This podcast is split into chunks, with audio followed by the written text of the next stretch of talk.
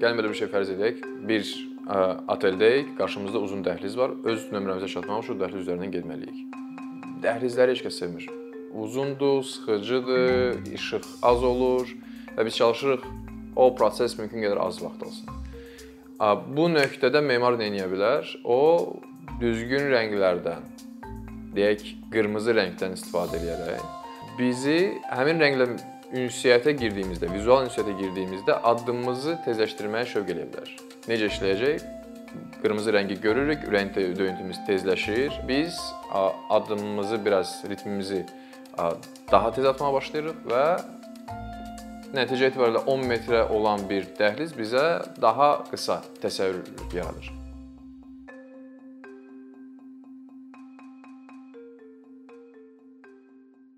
Mühit bizə əhatə edən hər bir şeydir. Biz mühitlərdə yaşayırıq, fəaliyyət göstəririk, qidalanırıq, yatırıq və s. Bu mənada mühitin bir də iki başlanğıcı var. Bu təbii, ilkər başlanğıcdır.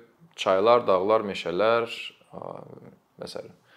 Bir də e, insan başlanğıclı mühitləri saya bilərik. Bu antropoloji mühitlər. Bu bizim özümüzün formalaşdırdığımız şəhər ola bilər, ev ola bilər, tikili ola bilər. Və homo növünün təkamülündən bu yana mühitlər ilkərdən antropologiyaya doğru artmağa başlayır. Demək olar ki, bugünkü gündə bizim ətrafımızda ilkər mühitlər olsa da biz oralar o mühitlərdə vaxt keçirmirik. Əksərən keçirdiyimiz bütün mühitlər özümüzün formalaşdırdığımız mühitlərdir. Yəni antropoloji başlanğıcdır. Əgər bütün bu prosesi bir emalatxanada təsəvvür eləsək, memar bir heykəltaraş kimi mühit isə bir material, yəni gips və yaxud daş e, formasında istifadə oluna bilər. Final istifadəçi isə dəyişməz olaraq cəmiyyətdir. Ehtiyacdan asılı olaraq, məqsəddən asılı olaraq heykəltaraş o materialı bu və ya digər formaya sala bilər. Buna əlavə mühitin müxtəlif miqyasları ola bilər. Bu fərdi şəkildə danışsaq, bir otaq miqyasından, cəmiyyətlərdən danışsaq, şəhər miqyasına kimi dəyişə bilər. Miqyasdan asılı olaraq mühitin insanlara təsiri var. Vacib sual məqsəd nədir?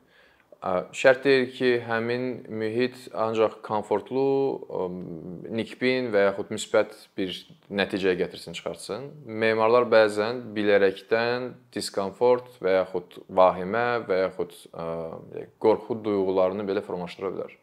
Məsələn, buna çox sadə nümunə Norveçdəki parklar ola bilər. Norveçdə parklar üzərində məsəl üçün əsas hərəkət yolları boyunca yerləşən skamyalar arxalıqsız və sərt materialdandır nə olur? Siz park üzərində hərəkət edirsiniz.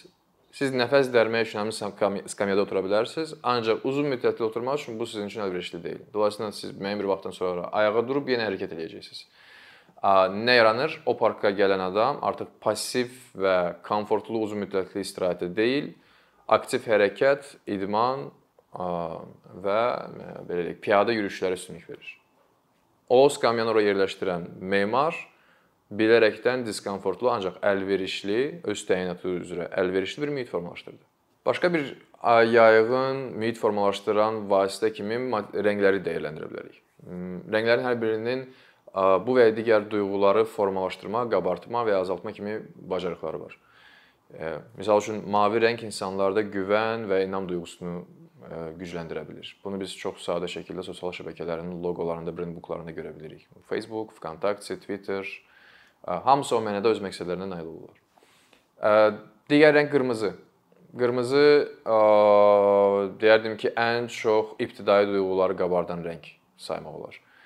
O bizdə iştah yaradır. Qırmızı rəng bizdə ürək ritmini tezləşdirə bilir və hətta vahimə duyğusunu biraz qabardır. Və bundan çox bacarıqlı şəkildə fast food industriyasında istifadə edirlər. Yəni yenə üzərindən keçsək, KFC, McDonald's, Burger King hamısında qrafik dizayner və ya marketoloqlar bacarıqlı şəkildə istifadə edirlər. E, memarlıqda da rənglərin istifadəsi çox geniş əslində yayılır. Çox sadə nümunə, gəlin belə bir şey fərz edək. Bir ə, oteldəyik, qarşımızda uzun dəhliz var. Öz nömrəmizə çatmaq üçün dəhliz üzərindən getməliyik. Dəhlizləri heç kəs sevmir. Uzundur, sıxıcıdır, işıq az olur və biz çalışırıq o proses mümkün qədər az vaxt alsın. Bu nöqtədə memar nə edə bilər? O düzgün rənglərdən, deyək, qırmızı rəngdən istifadə edərək bizi həmin rənglə ünsiyyətə girdiyimizdə, vizual ünsiyyətə girdiyimizdə addımımızı tezləşdirməyə şövq eləyə bilər. Necə işləyəcək? Qırmızı rəngi görürük, ürək döyüntümüz tezləşir. Avtomatik olaraq ürək döyüntüsü tezləşdiyi üçün, müəyyən şəkildə o baskı hiss etdiyimiz üçün biz addımımızı biraz ritmimizi daha tez atmağa başlayırıq və nəticə etibarilə 10 metrə olan bir dəhliz bizə daha qısa təsəvvür yaradır. Evlər ayrı aralıqda fərdlərə təsir etdiyi kimi də geniş miqyasda şəhərlər də icma və ya cəmiyyətlərə təsir edir. Bu mənada məsəl üçün bəzi şəhərlər açıqlıq, sosial ünsiyyətçilik və şəffaflığı təşviq etdiyi halda digər şəhərlər özünə qapanma və məhrəmiyyəti təşviq edir. Buna uyğun olaraq iki tamamilə fərqli cəmiyyət və nəsillər formalaşa bilər və bir cəmiyyətin nümayəndəsi digər bir tamamilə fərqli şəhər mühitində formalaşmış cəmiyyətlə ünsiyyətdə olmayana kimi öz davranışlarının tamamilə fərqli olmasından xəbərdar olmaya bilər. Bəzi hallarda bu tamamilə fərqli davranış tiplərinə malik cəmiyyətlər coğrafi olaraq eyni ərazilərdə belə məskunlaşa bilər. Məsələn, Google xəritə üzərində Rio de Janeiro yazsaq, qarşımıza kifayət qədər səliqəli və düşünülmüş bir şəhər strukturu çıxacaq. Bir balaca kənara sürüşdürsək təpəliklərə doğru, ona tam kontrastlı, xaotik bir yaşayış massivləri görə bilərik. Mühitləri miqyasından asılı olmayaraq həm insanlar özləri və bununla peşəkar məşğul olan memarlar da formalaşdıra bilər. Və bunların hər birinin öz üstünlüyü və çatışmamazlıqları var. Ancaq şübhəsizdir ki, ən ideal nəticə peşəkar memar tərəfindən ancaq insanların iştirakı ilə aktiv şəkildə vətəndaşların, sakinlərin cəlb olunması ilə formalaşan mühitlərdir. Əkinçinin yeni videoları haqqında məlumatlı olmaq üçün kanalımıza abunə olmağı və xəbərdarlıq funksiyasını aktivləşdirməyi unutmayın.